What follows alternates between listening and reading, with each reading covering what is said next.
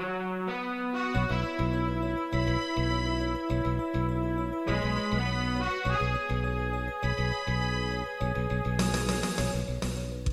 listening to Radio Free Asia. The following program is in Khmer.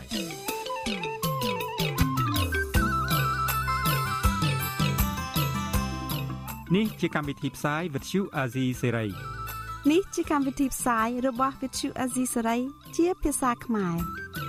Azizi Serai ជាភាសាខ្មែរ Vuthu Azizi Serai សូមស្វាគមន៍លោកអ្នកនាងទាំងអស់ពីរដ្ឋធានី Washington នៃសហរដ្ឋអាមេរិក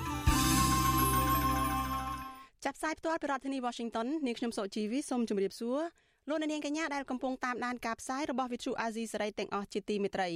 ចា៎យើងខ្ញុំសូមជូនកម្មវិធីផ្សាយសម្រាប់យប់ថ្ងៃអង្គារ14រោចខែចេឆ្នាំខាលចត្វាស័កពុរសករាជ2566ចាប់ត្រូវនៅថ្ងៃទី28ខែមិថុនាគ្រិស្តសករាជ2022 ជាដំបូងនេះសូមអញ្ជើញលោកអ្នកនាងស្ដាប់ព័ត៌មានប្រចាំថ្ងៃដែលមានមេត្តាដូចតទៅ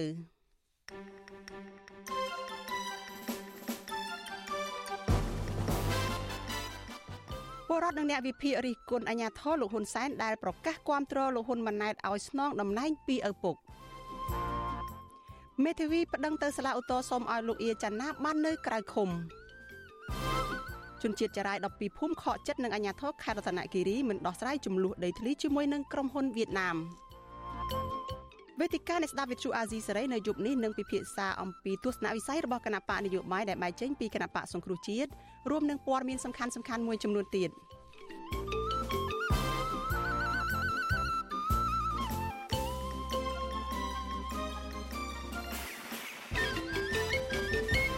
ចាលោកនាងកញ្ញាប្រិយមិត្តជាទីមេត្រីចាពលរដ្ឋនិងអ្នកវិភាគរិះគន់ទៅលើមន្ត្រីអាជ្ញាធររដ្ឋាភិបាលលោកហ៊ុនសែនដែលបន្តប្រកាសគាំទ្រលោកហ៊ុនម៉ាណែតឲ្យស្នងតំណែងជានាយករដ្ឋមន្ត្រីពីឪពុកថាគឺជាការស្នងតំណែងតាមបកពួកនិងមិនសមថាមានឈ្មោះជាយុវជនបន្តវេននោះទេពួកគេបន្ថែមថាការប្រកាសគាំទ្របកពួកបែបនេះគឺមានតែនៅក្នុងប្រទេសផ្ដាច់ការតែប៉ុណ្ណោះ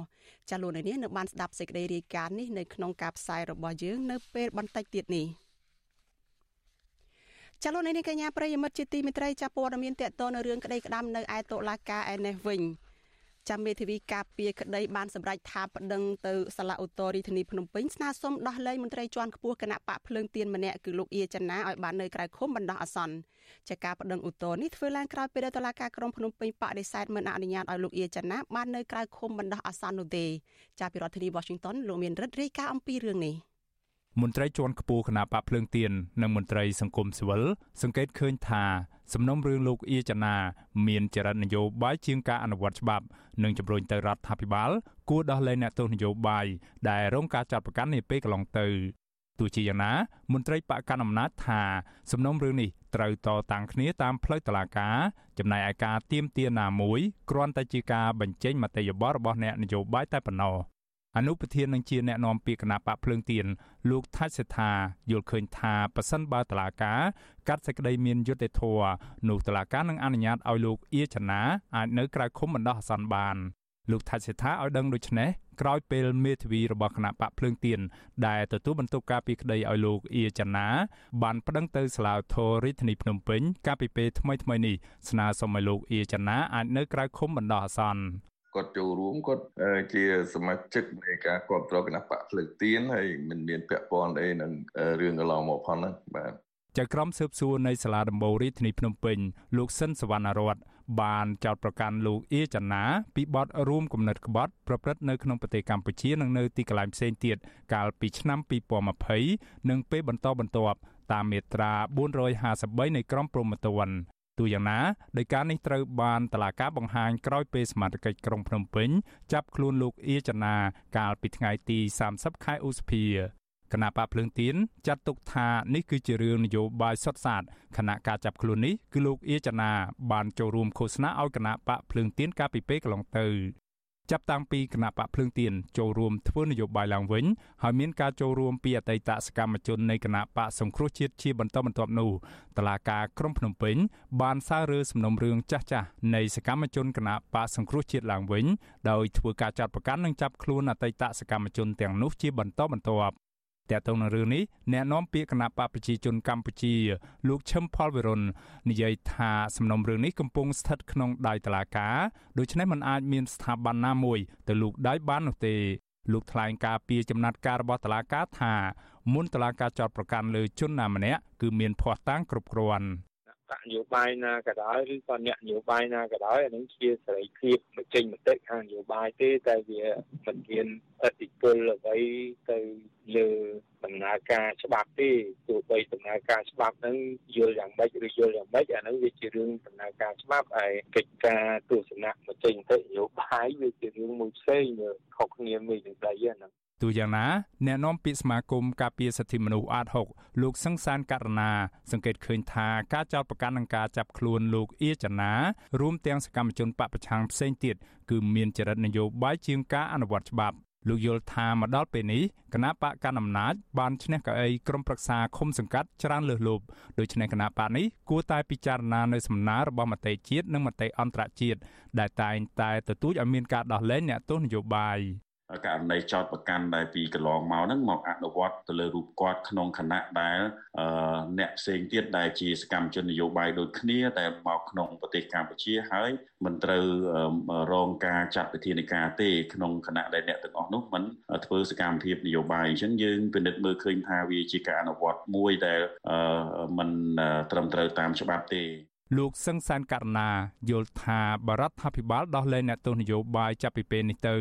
នោះគឺជារូបភាពមួយ បង្ហាញថាការបោះឆ្នោតជាតិឆ្នាំ2023ខាងមុខនេះអាចនឹងចាប់ផ្ដើមមានបរិយាកាសល្អហើយអ្នកទទួលបានផលចំណេញគឺពលរដ្ឋខ្មែរ ដូចគ្នានេះដែរមន្ត្រីជាន់ខ្ពស់នៃគណៈបកភ្លើងទៀនលោកថាច់សេដ្ឋាយល់ថាគួរដល់ពេលដែលគណៈបកកណ្ដាលអំណាចបង្ហាញចំហរូបរួមជាតិនិងកែលម្អលទ្ធិប្រជាធិបតេយ្យឡើងវិញដោយទម្លាក់ចោលបទចោទប្រកាន់លើអ្នកទោសមនសិការព្រោះអ្នកទាំងនោះមិនបានប្រព្រឹត្តបទល្មើសព្រហ្មទណ្ឌដោយតាមការចោទប្រកាន់របស់តុលាការនោះឡើយខ្ញុំបាទមេរិត Visual C ស្រីរាយការណ៍ពីរដ្ឋធានី Washington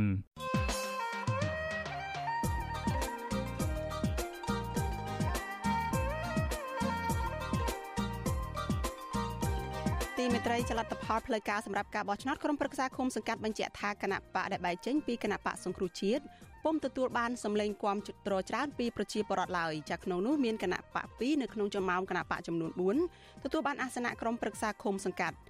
គណៈបកខ្មែរស្រឡាញ់ជាតិបានប្រាប់អាសនៈនិងគណៈបកកម្ពុជានិយមបានមួយអាសនៈតើលទ្ធផលនៃការបោះឆ្នោតនេះឆ្លុះបញ្ចាំងយ៉ាងណាពីគណៈបកនយោបាយតូចៗទាំងនេះ ចតាគណៈបកទាំងនេះមានទស្សនវិស័យយ៉ាងណាខ្លះសម្រាប់ការបោះឆ្នោតថ្នាក់ជាតិឆ្នាំ2023ខាងមុខនេះចាសសូមអញ្ជើញលោកអ្នកនាងរងចាំស្ដាប់នីតិវេទិកានៃស្ដាប់វិទ្យុអាស៊ីសេរីនៅយប់ថ្ងៃអង្គារនេះដែលនឹងជជែកពីបញ្ហានេះចាប្រសិនបើលោកអ្នកនាងចង់ចូលរួមសួរសំណួរទៅវាគ្មិនរបស់យើងឬក៏ចង់បញ្ចេញមតិយោបល់សូមអញ្ជើញលោកអ្នកនាងដាក់លេខទូរស័ព្ទនៅក្នុងខ្ទង់ comment ឬក៏ប្រអប់សារ Facebook និង YouTube របស់ Vithu Azizi សេរីចាក្រុមការងាររបស់យើងនឹងហៅទៅលោកអ្នកនាងវិញ។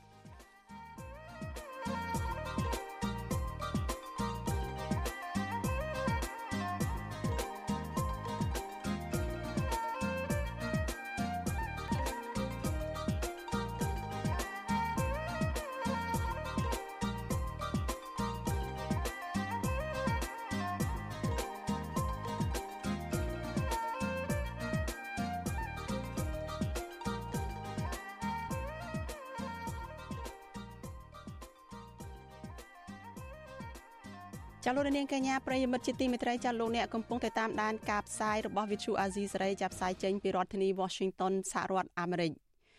ចាតកតងទៅនឹងការធ្វើជាប្រធានអាស៊ានបដូវវេនរបស់កម្ពុជាវិញម្ដងចាប្រិយសិទ្ធិពិសេសរបស់ប្រធានអាស៊ានស្ដីពីបញ្ហាមីយ៉ាន់ម៉ាគឺលោកប្រាក់សុខុនលោកនឹងទៅបំពេញទស្សនកិច្ចការងារលើកទី2នៅក្នុងប្រទេសមីយ៉ាន់ម៉ាឬក៏ភូមារយៈពេល5ថ្ងៃ ដែលនឹងចាប់ផ្ដើមពីថ្ងៃទី29ខែមិថុនាដល់ថ្ងៃទី3ខែកក្កដាខាងមុខនេះក្រសួងការបរទេសកម្ពុជាឲ្យដឹងតាមរយៈសេចក្តីប្រកាសព័ត៌មានផ្សាយនៅថ្ងៃទី28ខែមិថុនាថាដំណើរទស្សនកិច្ចលើកទី2របស់លោកប្រាក់សុខុនទៅកាន់ប្រទេសភូមានេះគឺដើម្បីតាមដានការវិវត្តជំវិញការអនុវត្តកិច្ចព្រមព្រៀងជាឯកច្ឆន្ទ5ចំណុចនិងការផ្តល់ជំនួយមនុស្សធម៌របស់ប្រទេសអាស៊ានសម្រាប់ប្រទេសនេះ ចាការក្រសួងការបរទេសកម្ពុជាក៏បានឲ្យដឹងដែរថាដំណើរទស្សនកិច្ចរបស់ប្រិស័ទពិសេសអាស៊ានជាលើកទី2នេះក៏ដើម្បីរួមចំណែកដល់ការបង្កើនបរិយាកាសបង្កើតបរិយាកាសអំណោយផលសម្រាប់ដំណើរការសន្ទនាកិច្ចការនយោបាយដោយមានការចូលរួមពីគ្រប់ភាគីពាក់ព័ន្ធ ចាវិទ្យុអាស៊ីសេរីមិនទាន់អាចតាក់ទងแนะនាំពាក្យក្រសួងការបរទេសកម្ពុជាគឺលោកសុំជុំសុនតរីដើម្បីសុំព័ត៌មានលម្អិតថាតើលោកប្រាក់សុខុនបានស្នើសុំជួបភាគីពាក់ព័ន្ធណាខ្លះជាពិសេសតំណាងរដ្ឋាភិបាលបង្រួបបង្រួមជាតិដែលជារដ្ឋាភិបាលស្របច្បាប់គឺអ្នកស្រីអ៊ុងសានស៊ូជីដែលត្រូវរបបសឹកភូមាកាត់ទោសឲ្យជាប់ពន្ធនាគាររយៈពេល11ឆ្នាំនិងបញ្ជូនទៅឃុំខ្លួននៅក្នុងពន្ធនាគារដាច់ដោយឡែកទោះយ៉ាងណាអ្នកនាំពាក្យរបបសឹកភូមានាយឧត្តមសេនីយ៍ហ្ស៊ូមីនតុន ប្រាប់វិទ្យុអាស៊ីសេរីផ្សាយជាភាសាភូមាកាលពីពេលកន្លងទៅថាប្រេសិតពិសេសអាស៊ាននឹងមិនអនុញ្ញាតឲ្យជួបជាមួយអ្នកស្រីអ៊ុងសានស៊ូជីឡើយនៅក្នុងដំណើរទស្សនកិច្ចជាលើកទី2នេះចាអ្នកនាំពាក្យរូបនេះបញ្ជាក់ថាលោកប្រាក់សុខុនអាចជួបបានតែជាមួយនឹងកងកម្លាំងប្រដាប់អាវុធជនជាតិដើមភៀកតិចនៅភូមាក្រៅពីជំនួបជាមួយនឹងក្រុមមេដឹកនាំរបបសឹកភូមានៅមុនមួយថ្ងៃពីការប្រកាសបំពេញដំណើរទស្សនកិច្ចជាលើកទី2នេះប្រេសិតពិសេសអាស៊ានលោកប្រាក់សុខុន បានទទូចឲ្យរបបសឹកភូមាបញ្ជូនលោកស្រីអ៊ុងសានស៊ូជីត្រឡប់ទៅលំនៅឋានរបស់លោកស្រីវិញក្រោយរបបសឹកភូមាបានសម្រេចផ្ទេរអ្នកស្រីពីការឃុំខ្លួននៅគេហដ្ឋានទៅឃុំខ្លួននៅពន្ធនាគារដាច់ដライមួយកាលពីសប្តាហ៍មុនចលនាយមត្រីហ៊ុនសែនក៏ធ្លាប់អំពាវនាវឲ្យរបបសឹកភូមាពិចារណាឡើងវិញនិងជៀសវាងការកាត់ទោសប្រហារជីវិតលើបុគ្គលនិងសកម្មជននយោបាយភូមិ4នាក់ក្នុងនោះ ក៏រួមមានអតីតតំណាងរាស្ត្ររបស់គណៈបកសម្ព័ន្ធដើម្បីលទ្ធិប្រជាធិបតេយ្យរបស់អ្នកស្រីអ៊ុងសានស៊ូជីនោះផងដែរកម្ពុជានៅក្នុងប្រធានាមជាប្រធានបដូវវេនអាស៊ាននៅក្នុងឆ្នាំ2022កំពុងបង្ហាញជំហរមិនច្បាស់លាស់ជុំវិញករណីវិបត្តិនយោបាយនៅភូមិនេះដោយបានព្យាយាមបញ្ចូលអ្នកដឹកនាំរបបដោយព្យាយាមបញ្ចូលមេដឹកនាំរបបសឹកភូមិខុសច្បាប់នោះឲ្យមកចូលរួមកិច្ចប្រជុំរបស់អាស៊ានឡើងវិញ ជាក់ស្ដែងដូចជានៅក្នុងកិច្ចប្រជុំរដ្ឋមន្ត្រីការពារជាតិអាស៊ាននិងកិច្ចប្រជុំឧត្តមសេនីយ៍ឧត្តមមន្ត្រីរបស់អាស៊ានដែលទើបនឹងបញ្ចប់កាលពីពេលថ្មីៗនេះជាដើមទង្វើនេះធ្វើឲ្យកម្ពុជារងនៅការរិះគន់ខ្លាំងថាកម្ពុជាកំពុងតែអនុវត្តផ្ទុយពីគោលការណ៍នៃកិច្ចព្រមព្រៀងជាឯកច្ឆន្ទចំនួន5ចំណុចរបស់អាស៊ានស្ដីពីការដោះស្រាយវិបត្តិនយោបាយនៅភូមា ដំណើរទស្សនកិច្ចការងារជាលើកទី2របស់ប្រិសិទ្ធពិសេសអាស៊ានលោកប្រាក់សុខុននេះក៏កើតមានឡើងស្របពេលដែលរដ្ឋមន្ត្រីការបរទេសចិនគឺលោកវ៉ាងយីគ្រងនៅបំពេញទស្សនកិច្ចជាលើកដំបូងទៅក្នុងប្រទេសភូមាចាប់ពីថ្ងៃទី2ដល់ថ្ងៃទី5ខែកក្កដាខាងមុខនេះរដ្ឋាភិបាលទីក្រុងប៉េកាំងរងការរិះគន់ថាបានជួយផ្ដល់ការគាំទ្រដល់របបសឹកភូមាខុសច្បាប់ខណៈរបបនេះរងការដាក់ទណ្ឌកម្មជាច្រើនពីសំណាក់ក្រុមប្រទេសលោកខាងលិចនិងប្រទេសអាស៊ានដទៃទៀតដូចជាប្រទេសសង្ហបុរីជាដើម មនុស្សយ៉ាងហោចណាស់ជាង2000នាក់ត្រូវបានសម្លាប់នៅក្នុងការបង្ក្រាបដោយហិង្សាពីសំណាក់របបសឹកភូមាទៅលើក្រុមអ្នករិះគន់និងអ្នកដែលប្រឆាំងរបបនេះក្រោយពីពួកយោធាភូមាបានធ្វើរដ្ឋប្រហារដណ្ដើមអំណាចកាលពីដើមខែកុម្ភៈកន្លងទៅនេះ។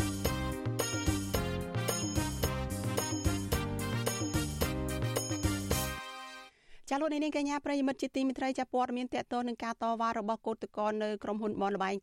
កាស៊ីណូ Naga World ឯនេះវិញចាក្រុមសមត្ថកិច្ចចម្រុះរាជធានីភ្នំពេញជាច្រើនអ្នកបាននាំគ្នាបិទផ្លូវនៅចំណុចស្តុបស្ថានទូតរុស្ស៊ីនិងបានដាក់កម្លាំងពង្រាយកាន់តែច្រើនជាងមុនដើម្បីរារាំងកម្លាំងក្រុមកោតក្រ Nagawal ជាង100នាក់មិនឲ្យពួកគេទៅតវ៉ាស្វែងរកដំណោះស្រាយនៅក្បែរអគារក្រុមហ៊ុននោះឡើយនៅរសៀលថ្ងៃទី28ខែមិថុនានេះ ចាក្រុមកោតតកចាត់ទុកទង្វើរបស់អាញាធរនេះថាអនុវត្តទូនីតិដោយគ្មានវិជ្ជាជីវៈនិងបានយកច្បាប់មកជន់ឈ្លីដើម្បីឈរកាងអំណាចឲ្យក្រុមហ៊ុនបរទេសកោតតកម្នាក់កញ្ញាផុនករណាប្រាប់វិទ្យុអាស៊ីសេរីថាកញ្ញានិងក្រុមកោតតកដទៃទៀតមានការសោកស្ដាយយ៉ាងខ្លាំងនៅពេលដែលអាញាធរបានទទួលប្រាក់ខែដោយសារតែការកាត់ពន្ធពីពលរដ្ឋប៉ុន្តែបែរជាទៅបំរើឲ្យក្រុមហ៊ុនបនលបែង Nagavel ទៅវិញដោយបានជិះជាន់និងរំលោភសិទ្ធិ កម្មករខ្មែរនោះទៅវិញលើសពីនេះកញ្ញាបន្តថាទង្វើរបស់អាញាធរប្រើអំពើហិង្សាទៅលើក្រុមកោតតកទាំងកំរោលកន្លងទៅនេះ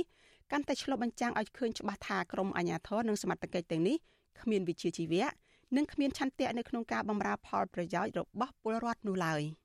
ពួកខ្ញុំវាពិតជាអយុត្តិធម៌ណាដែលរងអំពើហិង្សារងទង្វើដល់ប្រៃផ្សាយពីខាងគណៈអាជ្ញាធរហ្នឹងទាំងដែលពួកខ្ញុំប្រើប្រាស់សិទ្ធិពួកខ្ញុំដើម្បីឲ្យតកែណាកាដោះស្រាយវិវាទការងារហ្នឹងតែពួកខ្ញុំបែរជាត្រូវរងអំពើហិង្សារងទង្វើដល់ប្រៃផ្សាយអស់ទាញពួកខ្ញុំចូលឡានយកទៅវាយដល់លើឡានតាហាវប្រៃផ្សាយណាពួកខ្ញុំអត់ដឹងថាគាត់អនុវត្តច្បាប់អីគេទេថ្ងៃហ្នឹងខ្ញុំដើរតាមនីតិវិធីច្បាប់ពួកខ្ញុំធ្វើតាមច្បាប់ពួកខ្ញុំប្រើប្រាស់សិទ្ធិរបស់ពួកខ្ញុំចង់ឲ្យតកែណាកាដោះស្រាយវិវាទការងារហ្នឹងខ្ញុំពិតជាឈឺចាប់ចំពោះទង្វើរបស់ពួកអាជ្ញាធរហ្នឹងណាចាស់ក្រុមកោតក្រ Nagavel បានចេញធ្វើកោតកម្មជាងកន្លះឆ្នាំមកហើយដោយសារតែពួកគាត់អះអាងថាតើកាយក្រុមហ៊ុនបនលបែង Casino Nagavel បានបញ្ឈប់បុគ្គលិកមិនត្រឹមត្រូវតាមច្បាប់និងមានចេតនាលុបបំបាត់សម្លេងសហជីពដែលតែងតែចេញមុខគាំទ្រការពីសិទ្ធិកម្មករពីការរំលោភបំពានពីសំណាក់ភ្ញៀវនិងថកែនៅក្នុងវិស័យការងារបនលបែងមួយនេះ ទោះយ៉ាងណាការចេញតវ៉ាទាមទារសិទ្ធិសេរីភាពការងាររបស់ក្រុមកោតក្រជាច្រើនខែកន្លងមកនេះក្រុមអាជ្ញាធរតែងតែរារាំងនិងបង្ក្រាបដោយហិង្សាទៅលើកោតក្រដោយមិនអនុញ្ញាតឲ្យពួកគាត់អាចនាំគ្នាតវ៉ាដោយសន្តិវិធីនៅក្បែរអគារក្រុមហ៊ុននោះឡើយចាត់ជាពិសេសកាលពីថ្ងៃទី27ខែមិថុនាម្សិលមិញនេះអាជ្ញាធរបានបិទផ្លូវនៅចំណុចស្តុបនៀកបាញ់ទឹកនៅក្នុងខណ្ឌចំការមននិងបានដាក់ចេញចំណាត់ការបង្ក្រាបដោយហិង្សាទៅលើក្រុមស្ត្រីជាកូតកោទាំងនោះ ដោយរុញច្រានបោចសក់ទាត់ធាក់ពួកគាត់ទាំងកំរោលដើម្បីបំបែកការជួបជុំតវ៉ារបស់ពួកគាត់ក្រៅពីនេះទោះបីជាក្រុមកោតក្របានស្វាស្វែងរកកិច្ចអន្តរាគមន៍ស្ទើរគ្រប់ស្ថាប័នរួមទាំងខុទ្ទកាល័យរបស់លោកហ៊ុនសែនផង មកដល់ពេលនេះរដ្ឋាភិបាលហាក់គ្មានឆន្ទៈចេញមុខដោះស្រាយបញ្ចប់វិវាទការងារដ៏រ៉ាំរ៉ៃនេះឡើយ ក្រមមន្ត្រីសង្គមស៊ីវិលផ្នែកសិទ្ធិមនុស្សនិងសហជីពអំពាវនាវដល់អាជ្ញាធរនិងស្ថាប័នពាក់ព័ន្ធទាំងអស់ត្រូវបញ្ឈប់ការលាបពណ៌និងចងគំនុំជាមួយកោតក្រដើម្បីឲ្យមានលេសបង្ក្រាបពួកគាត់តទៅទៀតតទៅទៀតពួកគាត់ស្នើដល់អាជ្ញាធរមានសមត្ថកិច្ចក្រសួងការងារនិងរដ្ឋាភិបាលត្រូវតែមានជំហរអព្យាក្រឹតនិងងាកមកដោះស្រាយវិវាទការងារនេះឲ្យស្របតាមច្បាប់និងដោយសន្តិវិធីមិនមែនចេញចំណាត់ការបង្ក្រាបពលរដ្ឋខ្លួនឯងដោយខុសច្បាប់បែបនេះឡើយ ចាលោកនាងកញ្ញាប្រិយមិត្តជាទីមេត្រីចាព័ត៌មានពីខេត្តរតនគិរីឯណោះឲ្យដឹងថាប្រជាសហគមន៍ជនជាតិដើមភាគតិចចារាយចំនួន12ភូមិនៅជាប់ព្រំប្រទល់ប្រទេសវៀតណាមនៅក្នុងខេត្តរតនគិរីខកចិត្តនឹងអាជ្ញាធរខេត្តនេះដែលនៅតែមិនបានដោះស្រាយចំនួនដីធ្លីរវាងប្រជាសហគមន៍ជាង1000គ្រួសារជាមួយនឹងក្រុមហ៊ុនហួងអញ្ញាឡៃរបស់វៀតណាមនោះឲ្យបានជ្រះស្រឡះជាច្រើនឆ្នាំមកហើយពលរដ្ឋទាំងនោះអះអាងថាការពន្ងើយកន្តើយមិនដោះស្រាយចំនួនដីធ្លីទាំងនេះ នឹងផ្ដល់ឱកាសឲ្យក្រុមហ៊ុន បន្តរំលោភបំពានដីសមូហភាព និងលុបអូរធម្មជាតិជាច្រើនកន្លែង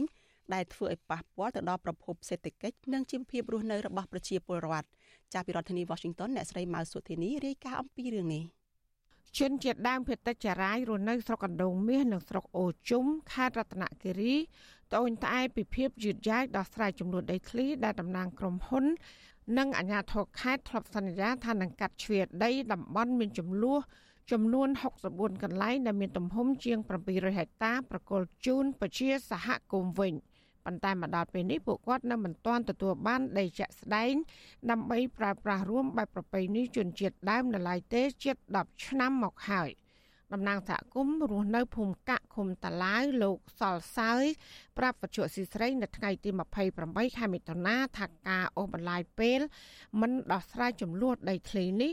នឹងផ្ដល់ឱកាសឲ្យក្រុមហ៊ុនបន្តរំលោភបំពានព្រៃអារក្សព្រៃអាស្រ័យផលនិងលុបអូរធម្មជាតិយ៉ាងហោចណាស់5កន្លែងធ្វើឲ្យអ្នកភូមិបាត់បង់ទីកន្លែងរកអនុផលប្រៃឈើនិងត្រីសាច់បរិភោគ លើពីនេះតំបន់នោះមានភ្នំអរិយជាច្រើនកន្លែងដែលអ្នកភូមិចង់ថែរក្សា និងការពារទុកជាសម្បត្តិសមូហភាពបែបប្រពៃណីប៉ុន្តែក្រុមហ៊ុនកំពុងហួងហែងភ្នំទាំងនោះទំនងចង់ការយកដីធ្វើអាជីវកម្មដើម្បីផលប្រយោជន៍ឯកជនលោកបញ្ជាក់ថាអ្នកភូមិតែងតែរអ៊ូរទាំរឿងបាត់គោក្របីរាប់សិបក្បាលជារៀងរាល់ឆ្នាំដោយសារកន្លែងធ្លាប់លែងគោក្របីបែបប្រពៃណីកំពុងស្ថិត នៅក្នុងដំណើរការដោះស្រាយចំនួនដីធ្លីមិនទាន់រួចរាល់នៅឡើយ។ ពីព្រោះហងអញខ្ញុំគាត់ចង់ចង់ភ្នំនោះប្រហែលភ្នំនោះគេយកទៅខាងគេណាហើយមកតែក្នុងសហគមន៍នោះតវ៉ាចង់បកគោលឲ្យសហគមន៍វិញនឹងហើយបាននៅនៅចរចារហូតនេះមិនទាន់ចម្រាច់ថាបកគោលឲ្យប្រជាពលរដ្ឋច្បាស់លាស់ផងអញ្ចឹងណាបងអត់បកគោលទេបងរុញទៅបកគោលរុញទៅខាងសហគមន៍សហគមន៍ដកបកគោលរុញទៅខាងវៀតណាមទៅវិញទៅមកទៅវិញទៅមកអត់មានដោះស្រាយរួចស្រេចអត់ទេ តំណាងសហគមន៍ភូមិកៈរូបនេះអន់ចិត្តពីភាពប្រងើយកន្តើយរបស់អាជ្ញាធរខេត្តរតនគិរីដែលគ្មានសុឆន្ទៈច្បាស់លាស់ការពារផលប្រយោជន៍របស់ជនជាតិដើមចារាយដែលរងគ្រោះដោយសារក្រុមហ៊ុនវៀតណាមមួយនេះរំលោភតំបន់ភ្នំអារក្សដីព្រៃច្រាប់ព្រៃកប់សពនិងទឹកអូរធម្មជាតិជាច្រើនកន្លែងលោកបន្ថែមថាកន្លងទៅក្រុមហ៊ុនបានលុបអូរធម្មជាតិចំនួន5កន្លែងដែលធ្វើឲ្យទឹកអូរប្រែជាល្អក់ มันអាចប្រើប្រាស់បានហើយត្រីក៏រកលែងបាននោះដែរព្រួយបារម្ភមែនណាបងដូចជាប៉ះពាល់ដូចជាគោក្របីដូចជាគេរុស៊ីអីដូចជាពិបាកដែរប៉ះពាល់ដល់អីប៉ុន្តែអូរឿងអូរឿងទឹកនោះប៉ុន្តែប៉ះពាល់ច្រើនអញ្ចឹងណាបងនៅតែលូលទាំរហូតនឹងប្រជាពលរដ្ឋនោះលុបអូកាយភ្នំលុប ច្រោបវាប៉ះពាល់ច្រើនអញ្ចឹងណាបងហើយប៉ុន្តែគេដោះស្រាយមិនទេខ្ញុំក៏មិនដឹងដែរហើយខាងថ្នាក់លើវាដោះស្រាយស្អែកនៅស្អែកខែក្រោយនៅខែក្រោយឆ្នាំក្រោយនៅឆ្នាំក្រោយដែរតែអត់ដឹងប្រហែលឆ្នាំអីនៅតែដែរតំណាងសហគមន៍ម្នាក់ទៀតគឺលោកសេវសឿនថ្លែងថាថ្មីថ្មីនេះអាជ្ញាធរនិងក្រុមហ៊ុនបានជួនដំណឹងប្រាប់ពួកលោកថានឹងបើកកិច្ចប្រជុំមួយនៅកំឡុងខែកក្កដាខាងមុខដើម្បីពិភាក្សារកដំណោះស្រាយចំនួនដីធ្លីនេះ លោកថាអ្នកភូមិភាគច្រើននៅមិនទាន់ស្ងប់ចិត្តដរាបណាអាញាធននៅមិនទាន់កំណត់ព្រំប្រទល់ដីកាត់ជ្រៀលឲ្យបានច្បាស់លាស់ដើម្បីឲ្យពួកគាត់គ្រប់គ្រងនិងថែទាំឲ្យបានល្អជាពិសេសគឺទប់ស្កាត់ការឈានពានពីសំណាក់ក្រុមហ៊ុនវៀតណាម។ ពួកខ្ញុំឲ្យចិត្តចាចាខេម7លើទៅចាចាពីឆ្នាំគុំយើងទៅការប្រជុំតាមបាត់បងហ្នឹងឲ្យវាមានស្រាប់អីយើងចាចាទុកចាចាខាងខ្ញុំមកជាមួយក្រុមហ៊ុនមានធនបတ်មូលដ្ឋានឲ្យការចាចារួចរាល់ហើយហើយទៅប្រាប់អ្នកធរអ្នកធរគិតឲ្យយើង ពជាសហគមន៍ថាកាលពីឆ្នាំ2018រដ្ឋបាលខេត្តរតនគិរីបានស្នើទៅក្រសួងកសិកម្មកាត់ជ្រឿតំបន់មានចំនួនជាង60កន្លែងដែលមានទំហំជាង700ហិកតាប្រគល់ជូនសហគមន៍វិញតំបន់នោះរួមមាន ភ្នំអរិយ20កន្លែងតំបន់កប់សព2កន្លែង ដីចំការវើជុំព្រៃអរិយ កន្លែងខ្វៀលគោក្រ3និងតំបន់ប្រភពទឹកអូធម្មជាតិដែលជាទីកន្លែងសហគមន៍អាស្រ័យផលដូចជានេសាទត្រីនិងស្រោចស្រពដំណាំកសិកម្មជាដើមវត្ថុស៊ីស្រីនៅមិនទាន់អាចតតងសុំការបំភ្លឺរឿងនេះពីអ្នកនាំពាក្យសាលាខេត្តរតនគិរីលោកនាងសំអាត នៅថ្ងៃទី28ខែមិថុនាបានទេដោយសារតែទូរស័ព្ទហៅចូលច្រើនដងតែគ្មានអ្នកលើកចំណែកឯអ្នកនាំពាក្យក្រសួងកសិកម្ម លោកស្រីវុធីនិងតំណាងក្រុមហ៊ុនហងអញ្ញឡាយក៏នៅមិនអាចតតងបានដែរនៅថ្ងៃដដែលនេះ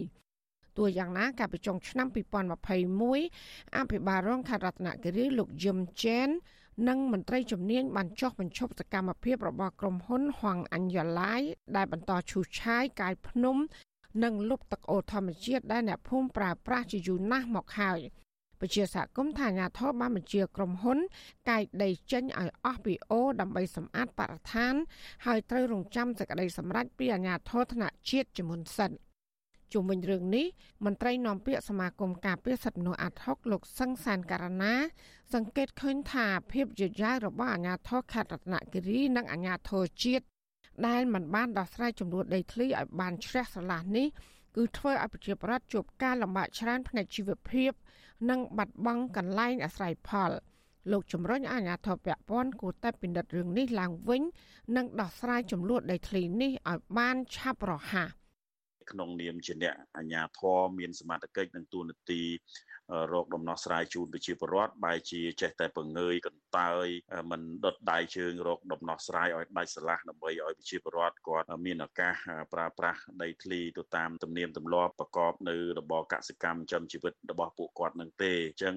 គាត់បីមានការពិនិត្យនិងអនុវត្តទូនាទីរបស់ខ្លួននឹងរោគដំណោះស្រាយជូនពួកគាត់ឲ្យបានឆាប់រហ័ស ចំណែកនាយកប្រតិបត្តិអង្គការសមត្ថៈកម្ពុជាលោកអៀងវុធី ធ្លាប់លើកឡើងថាក្រុមហ៊ុនវៀតណាមបានឈូសឆាយដីចំនួន2លើកនៅក្នុងតំបន់ដែលឯកភាពគ្នាកាត់ជ្រៀប្រកួតជូនសហគមន៍ហើយសកម្មភាពជីកកកាយភ្នំអរិយដើម្បីយកដីលុបទឹកអូបង្កផលប៉ះពាល់ច្រើនដល់បរិស្ថានជីវភាពរបស់ប្រជាពលរដ្ឋនិងបំផ្លាញតំបន់សក្ការៈបូជារបស់ជនជាតិដើមភាគតិច លោកជំរុញឲ្យក្រុមហ៊ុននេះបញ្ឈប់ពង្រីកផ្ទៃដីឬក៏ឈូសឆាយដីបន្ថែមទៀតហើយរងចាំការសម្រេចពីរដ្ឋាភិបាលសិនក្រុមហ៊ុនសម្បត្តិសេដ្ឋកិច្ចរបស់វៀតណាមហងអញ្ញឡាយទទួលសិទ្ធិវិនិយោគដំណាំកៅស៊ូលើផ្ទៃដី ទំហំ50000ហិកតាពីក្រសួងកសិកម្មកាលពីឆ្នាំ2010រយៈពេល50ឆ្នាំពជាសហគមន៍ថាក្រុមហ៊ុននេះបង្កផលប៉ះពាល់ដល់ជនជាតិដើមភាគតិច ចំនួន12ភូមិរស់នៅស្រុកអណ្ដូងមាសនិងស្រុកអូជុំសរុបប្រមាណជាង1300គ្រួសារអង្គការសមត្ថៈក៏រកឃើញដែរថាប្រជាសហគមន៍ទាំងនោះបានបាត់បង់ទីកន្លែងអាស្រ័យផលបែបប្រពៃណីដោយសារតែប្រៃឈើត្រូវបានបំផ្លាញជំនួសមកវិញនៅដំណាំកៅស៊ូ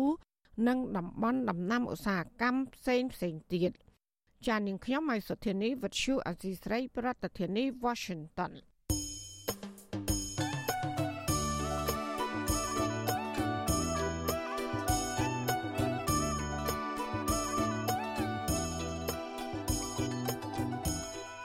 លោកនាងកញ្ញាប្រិយមិត្តជាទីមេត្រីចាដំណើរគ្នានឹងការផ្សាយផ្ទាល់តាមបណ្ដាញសង្គម Facebook និង YouTube នេះចាលោកនាងក៏អាចស្ដាប់ការផ្សាយរបស់ Vithu Azizi សេរីចាតាមរយៈ Vithu រលកធាតុអាកាសខ្លីចា SW តាមកម្រិតនិងកម្ពស់ដូចតទៅនេះចាប់ពេលព្រឹកចាប់ពីម៉ោង5កន្លះដល់ម៉ោង6កន្លះតាមរយៈរលកធាតុអាកាសខ្លី12140 kHz ស្មើនឹងកម្ពស់ 25m និង13715 kHz ស្មើនឹងកម្ពស់ 22m ចាប់ពេលយប់ចាប់ពីម៉ោង7កន្លះដល់ម៉ោង8កន្លះ តាមរយៈរលកធាតុអាកាសខ្លី9960 kHz ស្មើនឹងកម្ពស់ 30m និង12140 kHz ស្មើនឹងកម្ពស់ 25m និង11885 kHz ស្មើនឹងកម្ពស់ 25m ចលនានាងកញ្ញាប្រិយមិត្តជាទីមេត្រីចាពលរដ្ឋនិងអ្នកវិភាគរិះគន់អាញាធររបស់រដ្ឋាភិបាលលោកហ៊ុនសែនដែលបន្តប្រកាសគាំទ្រលោកហ៊ុនម៉ាណែតឲ្យស្នងតំណែងជានាយករដ្ឋមន្ត្រីតពីឪពុកថាគឺជាការស្នងតំណែងតាមបពពួកនិងមិនមានសមហេតុផលថាគឺជាយុវជនដែលបន្តវេននោះទេចាពួកគេបន្ថែមថាការប្រកាសគាំទ្រតាមបពពួកបែបនេះគឺមានតែនៅក្នុងប្រទេសផ្ដាច់ការតែប៉ុណ្ណោះចាលោកចងច័ន្ទដារារាយការណ៍អំពីរឿងនេះ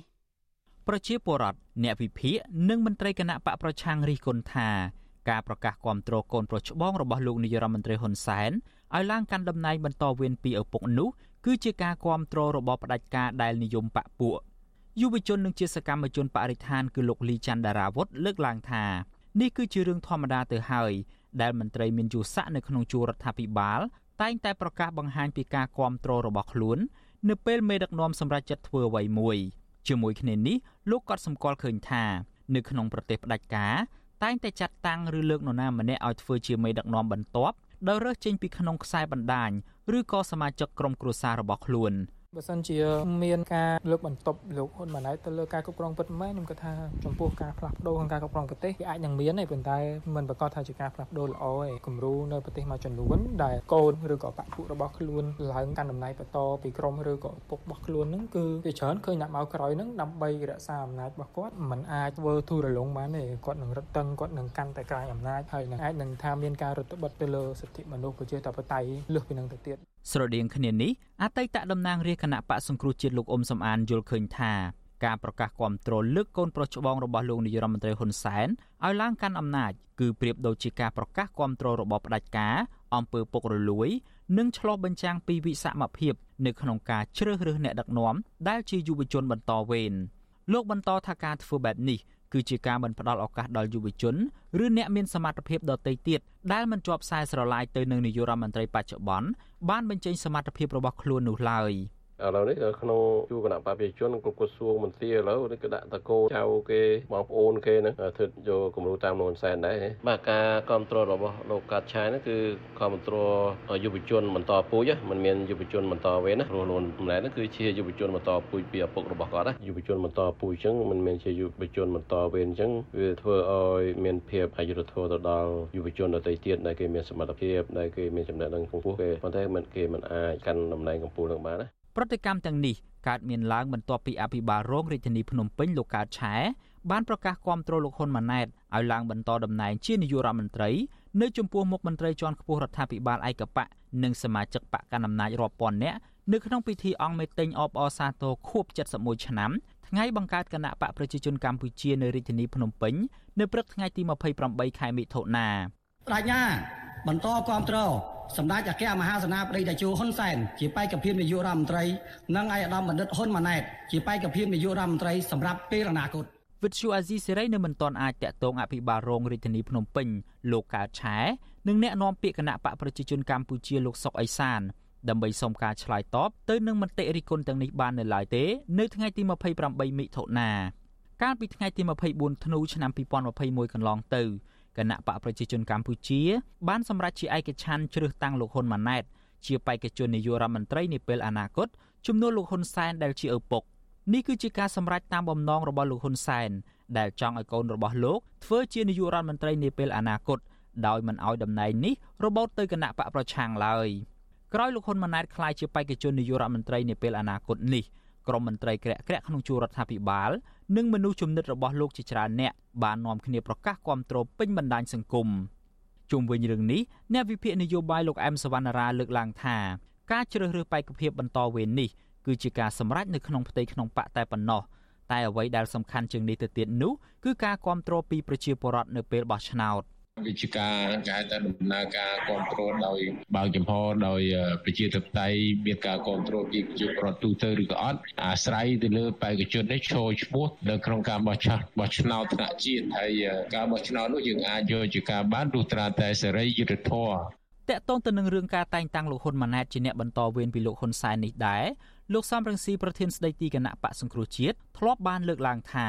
លោកហ៊ុនសែនមានវ័យកាន់តែចាស់ ដែលមិនអាចនៅកាន់អំណាចបានយូរតទៅទៀតទេទើបគាត់ចង់ឲ្យកូនរបស់គាត់ឡើងមកកាន់តំណែងជំនួសដើម្បីឲ្យកូនរបស់គាត់ជួយថែរក្សាលៀបសក្ការៈសម្រាប់ក្រុមគ្រួសារនិងធានានីតិរដ្ឋភាពឲ្យខ្លួនគាត់ផ្ទាល់លោកបន្ថែមថាលោកហ៊ុនសែនកំពុងតែប្រើល្បិចដ៏ពឹសពុលមួយនេះដោយសណ្ដោងក្រុមគ្រួសារអិសរាជជននៅជុំវិញគាត់មួយចំនួនឲ្យមកភ្ជាប់វាសនាជាមួយក្រុមគ្រួសាររបស់គាត់ទោះជាយ៉ាងណាលោកសំរងស៊ីយល់ថា ប្រជាពលរដ្ឋច្រើនលើសលប់មិនគួរគ្រប់គ្រងផែនការបន្តវេនរៀបចំដោយលោកហ៊ុនសែននេះទេពីព្រោះផែនការនេះគឺជារឿងអយុត្តិធម៌ជាទីបំផុតចំពោះក្រុមគ្រួសារខ្មែរជាច្រើនដទៃទៀតនិងចំពោះយុវជនខ្មែររាប់ម៉ឺនសែននាក់ទៀតដែលមានសមត្ថភាពដឹកនាំប្រទេសខ្ញុំយ៉ងច័ន្ទដារាវិទ្យុអាស៊ីសេរីរាយការណ៍ពីរដ្ឋធានី Washington ចាលោកនាងកញ្ញាប្រិយមិត្តជាទីមេត្រីចាព័ត៌មានតកតងនឹងចំនួនបេក្ខជនជាស្ត្រីដែលចូលរួមការបោះឆ្នោតក្រុមប្រឹក្សាឃុំសង្កាត់វិញម្ដងចាគណៈកម្មាធិការដើម្បីការបោះឆ្នោតដោយសេរីនិងយុត្តិធម៌នៅកម្ពុជាហៅកាត់ថា Confrel សហការជាមួយអង្គការមួយចំនួនទៀតរួមមានអង្គការសិលកាកម្ពុជា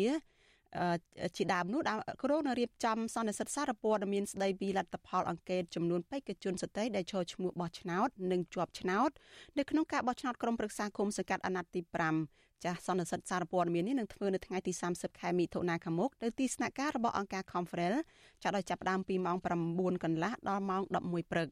សេចក្តីប្រកាសព័ត៌មានរបស់អង្គការ Confrel នៅថ្ងៃទី28ខែមិថុនានេះឲ្យដឹងថាគោលបំណងនៃសន្និសីទនេះគឺដើម្បីផ្សព្វផ្សាយសេចក្តីថ្លែងការណ៍រួមរបស់ក្រុមការងារ Gender នៃអង្គការសង្គមស៊ីវិលស្តីពីលទ្ធផលអង្កេតបេក្ខជនជាស្ត្រីនិងអនុសាសន៍មួយចំនួនដោយផ្អែកលើទស្សនៈ Gender ដើម្បីកែលម្អសម្រាប់ការបោះឆ្នោតនៅពេលខាងមុខ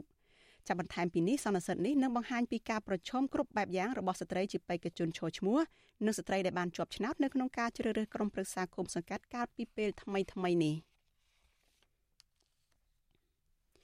ចាលោកនាងកញ្ញាប្រិយមិត្តជាទីមេត្រីចាព័ត៌មានដាច់ដោយឡែកមួយទៀតអាញាធរកម្ពុជានិងវៀតណាមបានសហការគ្នាបញ្ជូនជនជាតិវៀតណាមចំនួន400នាក់ឲ្យត្រឡប់ទៅប្រទេសកំណើតវិញ គិតត្រឹមខែមិថុនាឆ្នាំ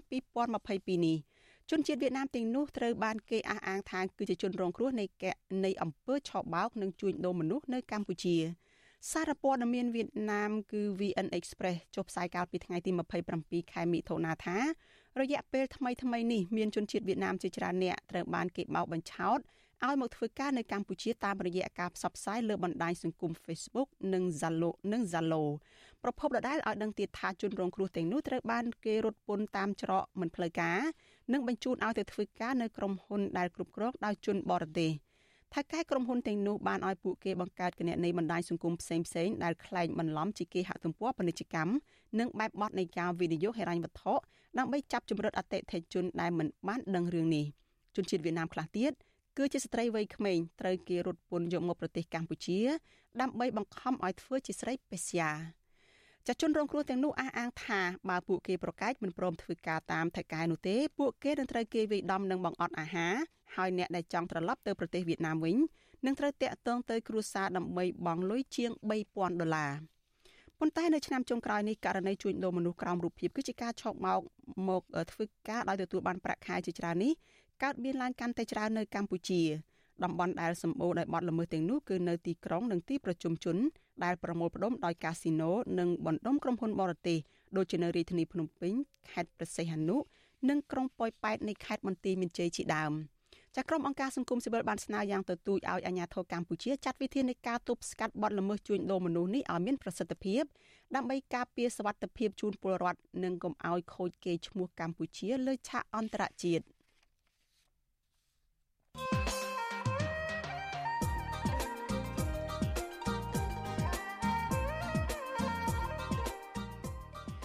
ចាលោកនាងកញ្ញាជាទីមេត្រីលទ្ធផលផ្លូវការសម្រាប់ការបោះឆ្នោតក្រុមប្រឹក្សាឃុំសង្កាត់បញ្ជាក់ថាគណៈបកដែលបានបែកចេញពីគណៈបកសង្គ្រោះជាតិពុំបានទទួលសម្លេងគាំទ្រច្រើនពីពលរដ្ឋឡើយនៅក្នុងការបោះឆ្នោតក្រុមប្រឹក្សាឃុំសង្កាត់ហើយនៅក្នុងនោះមានគណៈបក2នៅក្នុងចំណោមគណៈបក4បានទទួលអាសនៈក្រុមប្រឹក្សាឃុំសង្កាត់នេះគណៈបកស្រឡាញ់ខ្មែរគណៈបកខ្មែរស្រឡាញ់ជាតិទទួលបាន5អាសនៈនិងគណៈបកកម្ពុជានិយមបាន1អាសនៈ តើលទ្ធផលបោះឆ្នោតនេះឆ្លុះបញ្ចាំងអ្វីខ្លះពីគណៈបកនយោបាយតូចៗទាំងនេះតើគណៈបកទាំងនេះមានទស្សនវិស័យយ៉ាងណាខ្លះសម្រាប់ការបោះឆ្នោតថ្នាក់ជាតិឆ្នាំ2023ខាងមុខចាសសូមអញ្ជើញលោកអ្នកនាងរងចាំស្ដាប់និងចូលរួមវេទិកាដែលស្ដាប់វិទ្យុអាស៊ីសេរីចាស់នៅយប់ថ្ងៃអង្គារនេះដែលនឹងជជែកពិភាក្សាអំពីបញ្ហានេះ ចាប្រសិនបើលោកអ្នកនាងចង់ចូលរួមបញ្ចេញមតិយោបល់ឬក៏សួរវាគ្មិនរបស់យើងនៅក្នុងវេទិកានៃស្ដាប់វិទ្យុអាស៊ីសេរីនេះចាសសូមអញ្ជើញលោកអ្នកនាងដាក់លេខទូរស័ព្ទរបស់លោកអ្នកនាងនៅក្នុងខ្ទង់ comment នៃ Facebook និង YouTube របស់វិទ្យុអាស៊ីសេរីចាសក្រុមការងាររបស់យើងនឹងហៅទៅលោកអ្នកនាងវិញ។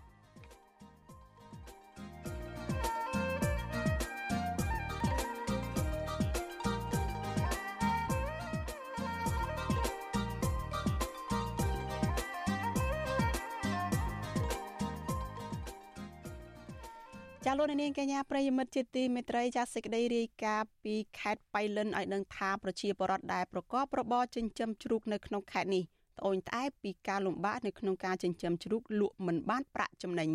ការត្អូញត្អែនេះធ្វើឡើងបន្ទាប់ពីតម្លៃចំណីជ្រូកបន្តហក់ឡើងយ៉ាងគំហុកស្របពេលដែលថ្លៃជ្រូករស់ធ្លាក់ថ្លៃសង្គមស៊ីវិលយល់ឃើញថារដ្ឋាភិបាលគួរតែយកចិត្តទុកដាក់ដោះស្រាយកង្វល់របស់ពលរដ្ឋនៅក្នុងសហគមន៍ដើម្បីជួយសម្រួលទៅដល់ជីវភាពរស់នៅរបស់ពួកគាត់។ ចាប់ពីរដ្ឋធានី Washington លោកសីបណ្ឌិតរាយការណ៍អំពីរឿងនេះពលរដ្ឋប្រកបរបរចិញ្ចឹមជ្រូកនៅក្រុងប៉ៃលិនត្អូញត្អែចំពោះតម្លៃចំណីជ្រូកឡើងថ្លៃស្របពេលដែលថ្លៃជ្រូកលក់ចេញឲ្យឈ្មួញកណ្ដាលធ្លាក់ថ្លៃចុះជាងឆ្នាំមុនពលរដ្ឋលើកឡើងថាតម្លៃជ្រូករស់សពថ្ងៃនេះចុះថោកធ្វើឲ្យពួកគាត់លក់មិនបានប្រាក់ចំណេញឡើយពលរដ្ឋប្រកបរបរចិញ្ចឹមជ្រូកម្នាក់លោកស្រីកៅចន្ទធីប្រាប់បទសុអសីសេរីនៅថ្ងៃទី28មិថុនាថា បញ្ហាលំបាកចំពោះមុខក្នុងការចិញ្ចឹមជ្រូកឆ្នាំនេះគឺចំណីឡើងថ្លៃលោកស្រីបន្តថាតម្លៃចំណីនិងថ្នាំបង្ការជំងឺផ្សេងផ្សេងក៏មានតម្លៃខ្ពស់តែសាច់ជ្រូកចុះថោកលោកស្រីលើកឡើងថាតម្លៃជ្រូកសម្រាប់ឆ្នាំមុនលក់ចេញឲ្យឈ្មួញបាន1គីឡូក្រាមតម្លៃ14000រៀលប៉ុន្តែសម្រាប់ឆ្នាំនេះ1គីឡូក្រាមតម្លៃត្រឹមតែ15000រៀលប៉ុណ្ណោះ។ លោកស្រីបន្តថាលោកស្រីចិញ្ចឹមជ្រូកជាលក្ខណៈគ្រួសារនិងបិទស្រាធ្វើជាចំណីដើម្បីបានជួយទប់ទល់នឹងចំណីជ្រូកខ្លះប៉ុន្តែលោកស្រីថាអង្គដែលយកមកបិទស្រាក៏ឡើងថ្លៃដែរដែលជាមូលហេតុធ្វើឲ្យអាជីវកម្មចិញ្ចឹមជ្រូកមិនបានផលចំណេញ។ វាឡើងនឹងអស់បណ្ដោយបងឡើងយកជាកតួអង្គអីចំណៃយើងសម្រាប់លាយវាស៊ីវាឡើងអញ្ចឹងដល់ពេលអញ្ចឹងយើងរឿងយ៉ាប់វាចោយើងឲ្យវាស៊ីតែមុនកតួ1គីឡូដល់ត្រឹម900អីទៅវាអស់ថ្លៃត្រឹម1000អីដល់ឥឡូវលេងឡើង2 10កន្លះចាចំណៃកាលមុនវាតែមកដល់15000អីទៅឥឡូវឡើងចង់ពី10 2 15000ហើយក្រុងបើសិនជាឲ្យស៊ីសុតមកក្រុងស៊ីបានតែ5ថ្ងៃអីហ្នឹងជ្រូក10អាហ្នឹងនិយាយរឿងកូនជ្រូកហ៎បងចាបើជ្រូកធំយើងលាយអស់មួយឈុតដូចថាមានវីតាមីនមានចំណីអញ្ចឹងទៅដូចថាវីតាមីនមួយកញ្ចប់ទទួល100គីឡូហើយនឹងចំណី10គីឡូអញ្ចឹងជ្រូក10បើយើងឲ្យស៊ីសុទ្ធបាន3ថ្ងៃអី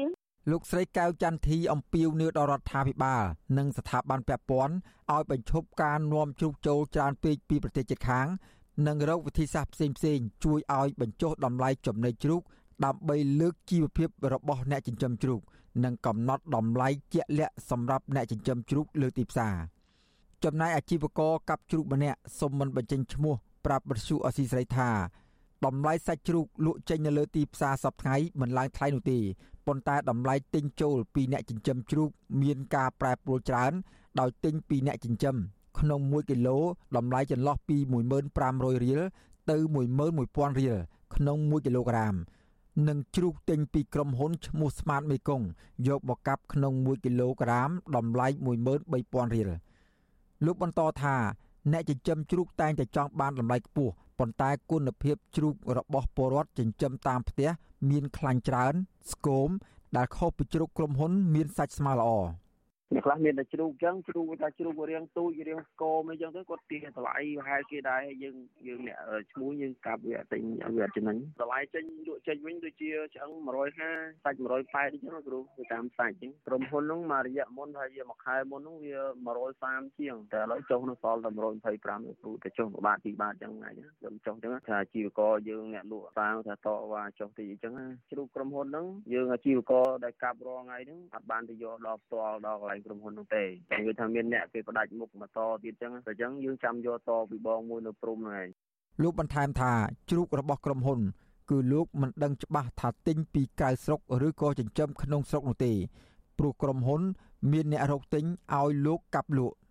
ជុំវិញរឿងនេះប្រធានមន្ទីរកសិកម្មរុក្ខាប្រមាញ់និងនេសាទខេត្តបៃលិនលោកសាយសុផាតថ្លែងថាទំនិញឡើងថ្លៃជាលក្ខណៈសកល ជាហេតុធ្វើឲ្យមធ្យោបាយនៃការផលិតក៏ឡើងថ្លៃតាមនោះដែរលោកសាយសុផាតស្នើសុំឲ្យប្រជាពលរដ្ឋងាកមកប្រើវត្ថុធាតុដើមក្នុងការផលិតចំណីក្នុងស្រុកតាមបែបប្រពៃណីដើម្បីទទួលបានប្រាក់ចំណេញច្រើនជាងការចិញ្ចឹមដោយប្រើចំណីពីក្រុមហ៊ុនលោកបន្តថាមន្ត្រីរបស់លោកតែងតែចុះទៅបង្រៀនបច្ចេកទេសដល់ប្រជាពលរដ្ឋនៅតាមមូលដ្ឋានក្នុងខេត្តអំពីការចិញ្ចឹមសត្វជ្រូកដោយយកគោលការណ៍ចំណេញច្រើនមកប្រើ ពីពិតថាការដែលផលិតចំណីរបស់ក្រុមហ៊ុននោះវាយើងដាក់សារធាតុផ្សំនោះវាមានកម្រិតស្តង់ដារអានេះយើងនិយាយថាក្រុមហ៊ុនគាត់ផលិតចំណីដាក់ ធាតុផ្សំដែលមានកម្រិតស្តង់ដារអញ្ចឹងការឲ្យចំណីទៅសត្វទៅសត្វ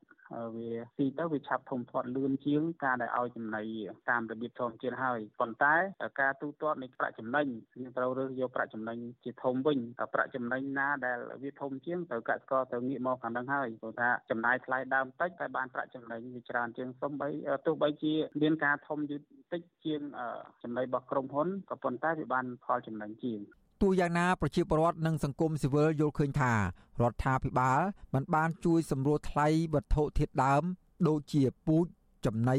និងថ្លៃទឹកថ្លៃភ្លើងព្រមទាំងមិនបានគ្រប់គ្រងបច្ចេកទេសដល់កសិករជាអ្នកចិញ្ចឹមជ្រូកហើយបើកឲ្យមានការនាំចូលជ្រូកពីបរទេសមកលក់នៅក្នុងទីផ្សារកម្ពុជាបានច្រើនថែមទៀតបញ្ហាទាំងនេះធ្វើឲ្យកសិករក្នុងស្រុកអស់សង្ឃឹមហើយអាចនឹងបោះបង់ក្នុងការចិញ្ចឹមជ្រូកបន្តទៀត។ ប្រធានគណៈកម្មការនយោបាយគណៈបកប្រជាធិបតេយ្យមូលដ្ឋាន លោកបណ្ឌិតយ៉ងសាងកូម៉ាលើកឡើងថាបញ្ហាទាំងនេះជាទូនាទីរបស់ក្រសួងកសិកម្មមន្ទីរកសិកម្មនិងក្រសួងពាក់ព័ន្ធលោកបណ្ឌិតបន្តថាមន្ត្រីតាមមន្ទីរក្រសួងរបស់រដ្ឋគួរតែមានមន្ត្រីជំនាញបច្ចេកទេសដើម្បីស្វែងរកដំណោះស្រាយជូនប្រជាពលរដ្ឋតាក់ទងនឹងទុនពូជជ្រូកចំណីការនាំចូល និងការថែទាំជ្រូកជាដើមលោកបណ្ឌិតបន្ថែមថា មន្ត្រីជំនាញត្រូវដើរតួនាទីសំខាន់ជូនដល់ពួកគាត់ក្នុងការទទួលខុសត្រូវទី1គឺការទទួលខុសត្រូវដោយផ្ទាល់តាក់ទងនឹងសេវាបច្ចេកទេស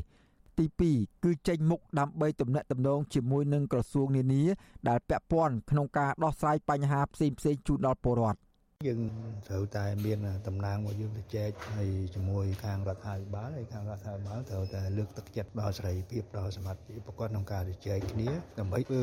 ផែនការរួមគ្នាក្នុងការដោះស្រាយបញ្ហាហ្នឹងផែនការផលិតផែនការតាក់ទងរឿងចំណី ហើយការតាក់ទងនឹងការនាំចូលឬក៏ការបិទការនាំចូលឬក៏ផ្អាកការនាំចូលអញ្ចឹងត្រូវវាដើរទៅគ្នាហើយមកដល់ពេលនេះគឺយើងអត់ទាន់មានឃើញមានជាភាពជាអ្នកដឹកនាំមួយក្នុងការសម្របសម្រួលឲ្យកសិករអ្នកផលិតហើយនឹងក្រសួងនិងស្ថាប័នពាក់ព័ន្ធហ្នឹងមកធ្វើការមួយគ្នាដើម្បីដោះស្រាយបញ្ហារួមរបស់កសិករឯងលោកក៏អំពាវនាវទៅដល់ស្ថាប័នពាក់ព័ន្ធថាគួរយកចិត្តទុកដាក់លើការដំឡើងកសិផលផលិតផលក្នុងស្រុករបស់ប្រជាពលរដ្ឋ ក្នុងការទប់ទល់នឹងការចំណាយដើមទុនដើម្បីជាការលើកទឹកចិត្តដល់ប្រជាពលរដ្ឋឲ្យបន្តការងារដាំដុះនិងការចិញ្ចឹមសត្វបន្ថែមទៀត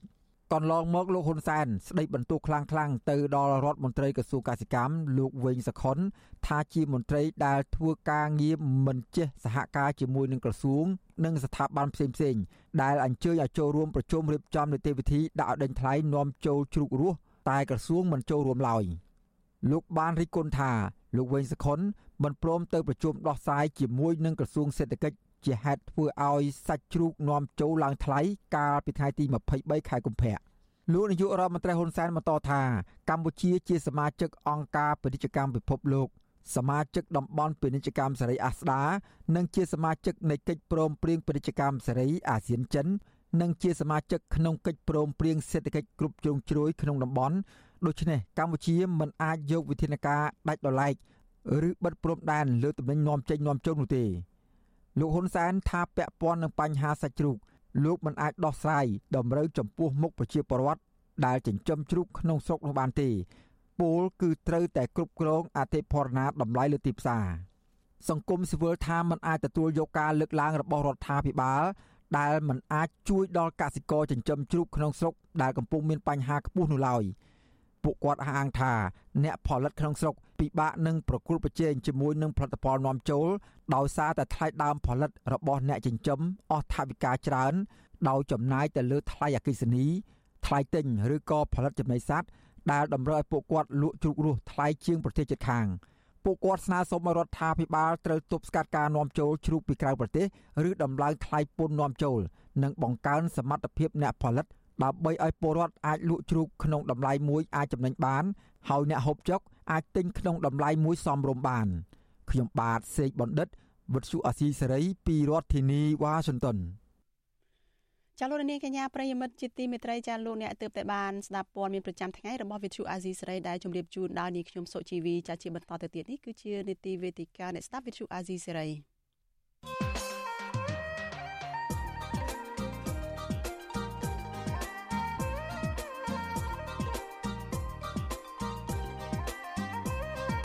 វេទិកាអ្នកស្ដាប់វិទ្យុអាស៊ីសេរី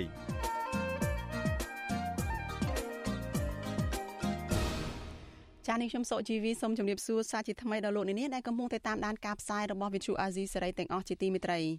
ចានៅនីតិវេទិកាអ្នកស្ដាប់វិទ្យុអាស៊ីសេរីនៅយប់នេះចាយើងនឹងជជែកពិភាក្សាអំពីទស្សនៈវិស័យរបស់គណៈបកនយោបាយតូចតូចដែលបានបែកចេញពីគណៈបកសង្គ្រោះជាតិហើយ មិនសូវទទួលបានសម្លេងគ្រប់គ្រងនៅក្នុងការបោះឆ្នោតក្រុមប្រឹក្សាគុំសង្កាត់អាណត្តិទី5នេះចាស់មានគណៈបកចំនួន2នៅក្នុងចំណោមគណៈបកនយោបាយចំនួនថ្មីចំនួន4ចាស់ដែលបានបង្កើតឡើងដោយអតីតមន្ត្រីគណៈបកសង្គ្រោះជាតិ ដែលទទួលបានសម្លេងតិចតួចនៅក្នុងការបោះឆ្នោតហើយគណៈបក2ទៀតនោះគឺមិនបានទទួលអាសនៈទាល់តែសោះនៅក្នុងការបោះឆ្នោតក្រុមប្រឹក្សាឃុំសង្កាត់ដែលបានប្រព្រឹត្តទៅកាលពីថ្ងៃទី5ខែមិថុនាកន្លងទៅនេះចាគណៈបក2ដែលបានអាសនៈនោះគឺមានគណៈបកខ្មែរស្រឡាញ់ជាតិចារបស់លោកជីវកតាបានទទួល5អាសនៈនិងគណៈបកកម្ពុជានិយមរបស់លោកយ៉ែមពញ្ញរិទ្ធបាន1អាសនៈចំណែកគណៈបកពីរទៀតគឺគណៈបកឆន្ទៈខ្មែររបស់លោកគង់មូនីកានិងគណៈបកកែតម្រង់កម្ពុជារបស់លោកប៉ុលហំចាំមិនបានអាសនៈក្រុមប្រឹក្សាឃុំសង្កាត់នេះឡើយចានៅក្នុងវេទិកានៃស្ដាប់វិទ្យុអាស៊ីសេរីនៅយប់នេះចាយើងនឹងជជែកពិភាក្សាថាតើលទ្ធផលឆ្នោតនេះគឺឆ្លុះបញ្ចាំងអ្វីខ្លះទៅដល់គណៈបកថ្មីទាំងអស់នេះតើគណៈបកទាំងនេះមានទស្សនវិស័យយ៉ាងណាខ្លះនៅក្នុងការបោះឆ្នោតក្រុមការបោះឆ្នោតជាតិនៅក្នុងឆ្នាំ2023ខាងមុខ ចាប្រសិនបើលោកអ្នកនាងមានសំណួរចង់សួរវាគ្មិនរបស់យើងឬក៏ចង់បញ្ចេញមតិយោបល់យ៉ាងណាសូមអញ្ជើញលោកអ្នកនាងដាក់លេខទូរស័ព្ទរបស់លោកអ្នកនាងនៅក្នុងខ្ទង់ comment នៃ Facebook និង YouTube របស់ Vithu Azizi សេរីចាក្រុមការងាររបស់យើងនឹងហៅទៅលោកអ្នកនាងវិញចាភ្ញៀវរបស់យើងនៅយប់នេះគឺមានពីររូបគឺមានលោកស៊ីវសុតដែលជាអគ្គហេរញ្ញិកនៃគណៈបកខ្មែរស្រឡាញ់ជាតិនិងលោកគង់មូនីកាដែលលោកជាប្រធានគណៈបកឆន្ទៈខ្មែរ ចាយើងសោកស្ដាយដែរដែលគណៈបកទី2ទៀតគឺគណៈបកអឺកែតម្រង់កម្ពុជានិងគណៈបកកម្ពុជានិយមចាមិនមានអ្នកតំណាងចូលរួមនៅក្នុងកិច្ចពិភាក្សារបស់យើងនៅយប់នេះទេចានេះខ្ញុំសូមជម្រាបសួរលោកទាំងពីរពីចម្ងាយចា បាទសូមជំរាបសួរអ្នកបងសុជីវីហើយសូមជម្រាបសួរបុគ្គលិកអាស៊ីសេរីទាំងអស់ជាទីគោរពស្រឡាញ់បាទចាអរគុណច្រើនចាតកតងទៅនឹងលទ្ធផលនៃការបោះឆ្នោតនេះចាយើងដឹងគ្រប់គ្នាហើយថាគណៈបកតូចតូចឬក៏គណៈបកបង្កើតថ្មីដែលបែកចេញពីគណៈបកសង្គ្រោះជាតិនឹងគឺมันបានសម្លេងគ្រប់គ្រងច្រើនទេហើយដោយដែលនេះខ្ញុំជម្រាបជូនខាងដើមអញ្ចឹងគឺមានគណៈបក2គឺមានគណៈបកខ្មែរស្រឡាញ់ជាតិនិងគណៈបក កម្ពុជានិយមចាបានទទួលសម្លេងគ្រប់គ្រងនេះចាចំពោះលោកវិសុទ្ធចាលោកគណៈបករបស់លោកបានទទួលសម្លេង5អាសនៈនឹងតើអាចឆ្លុះបញ្ចាំងថាយ៉ាងម៉េចទៅពីលទ្ធផលនៃការបោះឆ្នោតក្រុមប្រឹក្សាគុំសង្កាត់សម្រាប់គណៈបករបស់លោកនឹងចាបាទសូមអរគុណហើយចំពោះសំណួរឃើញតើល្អហើយសូមគោរពនិងជម្រាបសួរបងប្អូនជនរួមជាតិទាំងក្នុងនិងក្រៅប្រទេសជាទីគោរពស្រឡាញ់ គណៈបកខ្មែរស្រឡាញ់ជាតិគឺកាត់ឡើងក្រោយអវត្តមានគណៈបកសង្គ្រោះជាតិរយៈពេល73ឆ្នាំម្ល៉េះហើយទើបពួកយើងដែលជាអតីតមន្ត្រីសង្គ្រោះជាតិមានទាំងថ្នាក់ជាតិរហូតទៅដល់ថ្នាក់មូលដ្ឋានអ្នកគ្រប់គ្រងអតីតមេឃុំក្រុមប្រឹក្សាឃុំទាំងអស់យើងយល់ឃើញថា យើងត្រូវតែមានស្ថាប័នមួយស្របច្បាប់នៅកម្ពុជា ដើម្បីតស៊ូមតិដើម្បីជាជំរកមួយឲ្យពួកប្រជាធិបតេយ្យមានការ ធ្វើសកម្មភាពនយោបាយនៅមូលដ្ឋាន ក្នុងក្របខ័ណ្ឌមួយដែលมันមានប៉ះពាល់ទៅនឹងផ្លូវច្បាប់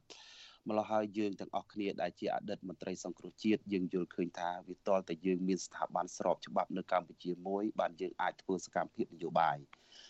ប៉ុន្តែសកម្មភាពរបស់យើងរយៈពេលជាង2ឆ្នាំមកនេះគឺយើងរងចាំឲ្យអតីតមន្ត្រីសង្គ្រោះជាតិទាំងអស់មានទាំងតំណាងរាស្ត្រតំណាងព្រឹទ្ធសភាតំណាងខេត្តតំណាងស្រុកតំណាងឃុំទាំងអស់ ឲ្យយើង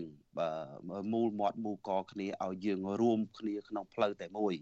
បំណាច់ថាយើងចេញធ្វើហើយគឺយើងតស៊ូមតិគឺយើងធ្វើសកម្មភាពក្នុងក្របខ័ណ្ឌតែមួយគឺក្របខ័ណ្ឌបន្តស្មារតីសង្គ្រោះជាតិបាទអញ្ចឹងហើយបានយើងមិនទាន់មានសមាជរហូតដល់រយៈពេលជាង2 2ឆ្នាំបានយើងមកដល់ថ្ងៃទី1មករា2022នេះបានយើងអាច ធ្វើសកម្មភាពមានន័យថាយើងជួបជុំគ្នាធ្វើសមាជកើតឡើងឲ្យស្របច្បាប់ស្ដីពីគណៈបកនយោបាយដែលនឹងត្រៀមចូលប្រកួតប្រជែងដណ្ដើមយកអាសនៈក្រុមប្រឹក្សាឃុំសង្កាត់នៅថ្ងៃ5មិថុនា2022គណៈបកផ្នែកស្រឡាញ់ជាតិបើទោះយើងបានលទ្ធផលមួយដែលយើងគិតថាមិនសមដូចបំណងមានន័យថា5អាសនៈ នៅក្នុងចំណោមរាប់ម៉ឺនអាសនៈប៉ុន្តែយើងវាជាប្រជាធិបតេយ្យមួយដែលយើងគិតថាបើយើងមិនមិនធ្វើបើយើងមិនចាប់ផ្ដើមតើយើងរងចាំអ្វីតើយើងពេលណាបានយើងចាប់ផ្ដើមតើពេលណាបានយើងចេញយើងដឹងថាពេលដែលអ្នកប្រជាធិបតេយ្យបែកបាក់គ្នាពេលដែល អ្នកប្រជាធិបតេយ្យរកចំណុចឯកភាពគ្នាមិនទាន់ឃើញពេលនោះប្រជាពលរដ្ឋអ្នកគ្រប់គ្រងម្ចាស់ឆ្នោតក៏លោកមិនមានជំនឿចិត្តលោកក៏ពិបាកនៅក្នុងការសម្រេចចិត្តក្នុងការជ្រើសរើសគណៈបកនយោបាយមួយឲ្យទៅបម្រើពួកគាត់នៅក្នុងអាណត្តិ5ឆ្នាំម្ដងដែរបាទនេះជាការមើលឃើញហើយយើងយល់ឃើញថាការតស៊ូនយោបាយនៅក្នុងប្រទេសកម្ពុជានាពេលបច្ចុប្បន្ននេះវាមិនដូចអ្វីដែលយើងគិតវាមិនដូចអ្វីដែលយើងប៉ងហើយវាមិនដូចអ្វីដែលយើងចង់បានគ្រប់គ្រប់គ្នានោះទេបាទសូមចូលរួមប៉ុណ្ណឹងលោកសឿវិសុទ្ធតើហេតុអ្វីបានជាមិនអាចដោយការប៉ងរបស់គណៈបកទឹកគិតទុកជាមុនពីព្រោះថាដោយសារតែ មានការធ្វើទុកបុកម្នេញដោយសារតែការរៀបចំនឹងឆាប់រហ័សពេកឬក៏ដោយសារតែដោយប្រធានគណៈបកសង្គ្រោះជាតិលោកកឹមសុខាលោកបានលើកកាលពីប្រហែលថ្ងៃមុននេះនៅក្នុងសារបាយធ្លានឹងលើកឡើងថាមិនមែនងាយស្រួលនៅក្នុងការទៅរកសម្លេងគាំទ្រពីប្រជាពលរដ្ឋនោះទេនៅពេលដែលគណៈបកតូចតូចបែកចេញពីគណៈបកសង្គ្រោះជាតិដែលជាគណៈបកធំកើតចេញពីការរួបរวมគ្នាកន្លងមកនឹងចា៎បាទចំណុចនេះយើង មើលឃើញថាវាមិនដូចនោះទាំងស្រុងទេប៉ុន្តែយើងត្រូវមើលកត្តាជាច្រើនដែលយើងពាក់ព័ន្ធនៅក្នុងក្នុងការបោះឆ្នោត ទី1យើងមើលទៅលើបរិយាកាសនយោបាយមុនការបោះឆ្នោត តើអំណោយផលទេនៅទៅដល់អ្នកជាធិបតេយ្យក៏ដូចជាគណៈបកនយោបាយទាំងអស់នៅកម្ពុជា ជាពិសេសគណៈបកក្រៅរដ្ឋាភិបាលនេះតើលោកអាចធ្វើការជួបជុំលោកអាចធ្វើសកម្មភាពបានទលំទលាយទេនៅក្នុងប្រទេសនៅពេលបច្ចុប្បន្ននេះតើយើងឃើញថាវិបត្តិកូវីដបានញោមញីអស់រយៈពេល72ឆ្នាំវាជាហេតុផលធ្វើឲ្យយើង ក្នុងការជួបជុំក្នុងការបញ្ជូនសារនយោបាយបញ្ជាក់ចំហនយោបាយក្នុងការគៀងគរអតីតសកម្មជនសកម្មរីឲ្យលោកមកចូលរួមក្នុងដំណើរប្រជាធិបតេយ្យមួយដែលស្របច្បាប់ដែលត្រឹមត្រូវនៅកម្ពុជាគឺថាយើងពិបាកណាស់មានន័យថាយើងធ្វើសកម្មភាពខេត្តមួយត្រូវបានគេបិទយើងរត់ទៅធ្វើខេត្តមួយទៀតខេត្តមួយត្រូវបានគេបិទយើងរត់ទៅធ្វើខេត្តមួយទៀតហាក់បីដូចជាការធ្វើសកម្មភាពនោះគឺគឺយើងយើងគិតថាបើយើងមិនធ្វើគឺយើងមិនមិនមិនមានឱកាសដើម្បីចងក្រងពួកគាត់ឲ្យឲ្យមូលផ្ដុំគ្នាឲ្យស្របច្បាប់ស្ដីពីគណៈបកនយោបាយទៅបានទេព្រោះយើងពិបាកគ្រប់ពិបាកសពបូករួមនឹងការធ្វើទុកបុកម្នេញការរើសអើងពីសំណាក់អាជ្ញាធរមូលដ្ឋានភូមិឃុំក៏ដូចជាការគម្រាមកំហែងមកលើគណៈបកនយោបាយវាជាហេតុផលធ្វើឲ្យអ្នកប្រជាធិបតេយ្យនៅក្នុងស្រុកនេះពិបាកក្នុងការធ្វើសកម្មភាព នៅក្នុងការជួបជុំនៅក្នុងការគៀងគងរកអ្នកគ្រប់គ្រង ជាច្រើនដែលឲ្យមកយល់ឲ្យមកស្គាល់គណៈបកនយោបាយរបស់យើងបាទចាសូមងាកទៅអាដាមគង់មុនីកាចាអាដាមជាប្រធានគណៈបកឆន្ទៈខ្មែរចាអាដាមសោកស្ដាយដែរដែលគណៈបកអាដាមមិនបានទទួលអាសនៈទេនៅក្នុងការបោះឆ្នោតក្រុមប្រឹក្សាគុំសង្កាត់នេះចាសំណួរដូចគ្នាទៅនឹងលោកសៀនវិសុទ្ធដែរថាតើការបោះឆ្នោតនេះឆ្លុះបញ្ចាំងអ្វីខ្លះសម្រាប់គណៈបករបស់អាដាមចា៎បាទជាបឋមសូមអរគុណដល់វិទ្យុអេស៊ីសេរីដែលតែងតែផ្ដល់ឱកាសដល់ខ្ញុំបាទ គោលមន្តការប្រធានគណៈបច្ឆន្ទៈខ្មែរបានចូលរួមគ្រប់វេទិកាទាំងអស់របស់ស៊ីសេរីហើយខ្ញុំឆ្លៀតឱកាសនេះសូមជម្រាបជូនប្រិយមិត្តរបស់អាស៊ីសេរីក៏ដូចជាសាធារណជនថាអ្វីត្បិតតែគណៈបច្ឆន្ទៈខ្មែរដែលបានចូលរួមប្រកួតប្រជែងនៅក្នុងការបោះឆ្នោតជ្រើសរើសក្រុមប្រឹក្សាគុំសង្កាត់ឆ្នាំ2022កន្លងទៅថ្មីមួយនេះมันអាចមិនបានទទួលនៅអាសនៈ ក្រុមប្រឹក្សាឬក៏អាសនៈណាមួយក៏ដោយក៏ប៉ុន្តែយើងមិនមានការរៀបរែកក្នុងការតស៊ូក្នុងនាមជាអ្នកនយោបាយបន្តវេនក្នុងនាមជាអ្នកនយោបាយស្គរក្រោយដែលសម្លាញ់លទ្ធិប្រជាធិបតេយ្យចង់ឃើញលំហប្រជាធិបតេយ្យនៅកម្ពុជា មានការរីកចម្រើនតទៅមុខมันអាចឲ្យលទ្ធិប្រជាធិបតេយ្យរបស់យើងថមថយទៅតាមការរំលាយនៅគណៈបកប្រឆាំងកន្លងមកដោយដែល អ្នកនយោបាយមួយចំនួនសកម្មសកម្មជនមួយចំនួនមានសតិអារម្មណ៍ថាបើគេរំលាយគណៈបកនយោបាយមួយធំទៅហើយយើងមិនអាចទៅតស៊ូនយោបាយអ្វីបន្តទៀតបានទេគណៈបច្ឆន្ទៈខ្មែរយើងបានបង្កើតនៅឆ្នាំ2018ក៏ពិតមែនហើយយើងបានចូលរួមក្នុងការបោះឆ្នោតឆ្នាំ2018បានទទួលសម្លេងជាង2សែនសម្លេងនៅពេលនោះហើយដូច្នេះហើយយើង ឃើញថាប្រជាពលរដ្ឋកម្ពុជានៅចង់ឃើញលំហប្រជាធិបតេយ្យនៅកម្ពុជាឲ្យមានដំណើរការតទៅមុខมันអាចនៅត្រឹមប៉ុណ្ណេះហើយចង់ឃើញឲ្យមានការផ្លាស់ប្ដូរជាវិជ្ជមានហើយគណៈបច្ឆន្ទៈខ្មែរគឺជាគោលនយោបាយថ្មីសុទ្ធសាធដែលបង្កើតឡើងដោយអ្នកនយោបាយបន្តវេនអ្នកនយោបាយសកលក្រោយយើងមិនប្រើប្រាស់គេឈ្មោះរបស់អតីតគណៈបក ណាមួយឬក៏យើងមិនប្រើប្រាស់គេឈ្មោះរបស់អតីតមេដឹកនាំគណៈបកនយោបាយណាមួយមកធ្វើការបោកបញ្ឆោតប្រជាពលរដ្ឋទេយើងធ្វើការតស៊ូដោយត្រឹមត្រូវបង្ហាញខ្លួនថាយើងជាអ្នកនយោបាយសកលក្រោយហើយដូច្នេះហើយយើងមានពេលវេលាមួយចំនួនដើម្បីបង្ហាញនិងបញ្ជ្រាបខ្លួនទៅឲ្យបងប្អូនសាធារណជនបានស្គាល់គណៈបច្ឆន្ទៈខ្មែរ ដូច្នេះតាមរយៈការបោះឆ្នោតជ្រើសរើសក្រុមប្រឹក្សាក្រុមប្រឹក្សាគុំសង្កាត់នៅពេលកន្លងទៅនេះអ្វីត្បិតថាយើងមិនបានទទួលអាសនៈក៏ប៉ុន្តែជាចំណុចវិជ្ជមានយើងឃើញថាប្រជាពលរដ្ឋជាច្រើននៅតាមឃុំសង្កាត់ដែលបានយើងបានដាក់បញ្ជីនោះ គាត់បានស្គាល់គណៈបច្ឆន្ទៈខ្មែរកាន់តែច្រើនបាទបានស្គាល់គណៈបច្ឆន្ទៈខ្មែរកាន់តែច្រើន បានយល់អំពីគោលនយោបាយយល់អំពីគោលដៅរបស់គណៈបច្ឆន្ទៈខ្មែរហើយដូច្នេះហើយអ្វីត្បិតតែបើអ្វីត្បិតតែយើងដែលមានបេក្ខជនមួយចំនួនគាត់ ជាយុវជនសកលក្រោយនៅមិនទាន់មានបទពិសោធន៍គ្រប់គ្រាន់ខ្លួនខ្ញុំផ្ទាល់ដែលជាអ្នកនយោបាយជាមេដឹកនាំគណៈបកក៏យើងនៅជឿជាក់ថាយើងនៅមានការខ្វះខាតនៅបទពិសោធន៍មួយចំនួនហើយយុទ្ធសាស្ត្រមួយចំនួនដែលយើងមានការឆក់ល្វែងដូច្នេះហើយយើងនៅតែមានការបដិញ្ញាចិត្តខ្ពស់ថាយើងនឹងបន្តដំណើរតទៅមុខទៀតហើយយើងនឹងឈានទៅបញ្ជ្រាបឲ្យប្រជាពលរដ្ឋរបស់យើងស្គាល់កាន់តែច្បាស់បន្ថែមទៀត តែទន្ទឹមនឹងនេះខ្ញុំក៏ចង់ឆ្លៀតចង់បង្ហាញទៅជូនសាធារណជនក៏ដូចជាវិទ្យុអាស៊ីសេរីផងដែរថាជាការសង្កេតរបស់គណៈបច្ឆន្ទៈខ្មែរគឺតាមរយៈការបោះឆ្នោតកន្លងទៅនេះតាំងពីការចុះបញ្ជីបេក្ខជនរហូតដល់ការរាប់សន្លឹកឆ្នោតអីជាដើមគឺយើងសង្កេតឃើញមានភាពមិនប្រក្រតីជាគួរឲ្យកត់សម្គាល់មួយចំនួនហើយយើងសង្កេតឃើញសំខាន់នោះគឺថាការតែនៅតែបន្តបំផិតបំភ័យ ការទិញទឹកចិត្តប្រជាពលរដ្ឋបាទដូច្នេះហើយទាំងអស់នោះគឺជាចំណុចដែលរារាំងធ្វើឲ្យប្រជាពលរដ្ឋមិនអាចអញ្ជើញទៅបោះឆ្នោតដោយសតិសម្បញ្ញៈរបស់ពួកគាត់បានដូច្នេះហើយយើងសង្កេតឃើញថានៅមានចំណុចជាច្រើនទៀតដែល ជាចំណុចខ្វះចន្លោះរបស់គណៈកម្មការរៀបចំការបោះឆ្នោតហើយដែលគណៈបច្ឆន្ទៈខ្មែររួមជាមួយនឹងគណៈបកដទៃទៀតដែលមាននិន្នាការប្រជាធិបតេយ្យយើងបានជួបប្រជុំគ្នាហើយយើងបានលើកយកនៅបញ្ហាទាំងអស់នោះដើម្បីមកជជែកគ្នាហើយនឹងផ្ដល់ជាគំនិតជាដំណោះស្រាយឬក៏ជាជំរឿសអីផ្សេងផ្សេងទៀតដែលនឹងជួយឲ្យកោចបអាចយកទៅធ្វើការពិចារណាដើម្បីធ្វើឲ្យការបោះឆ្នោតនាពេលអនាគតខាងមុខជាពិសេសការបោះឆ្នោត នៅឆ្នាំ2023នេះកាន់តែមានភាពរលូនប្រសើរឡើងជៀសវាងអឺឲ្យមានជៀសវាងកុំឲ្យមានការ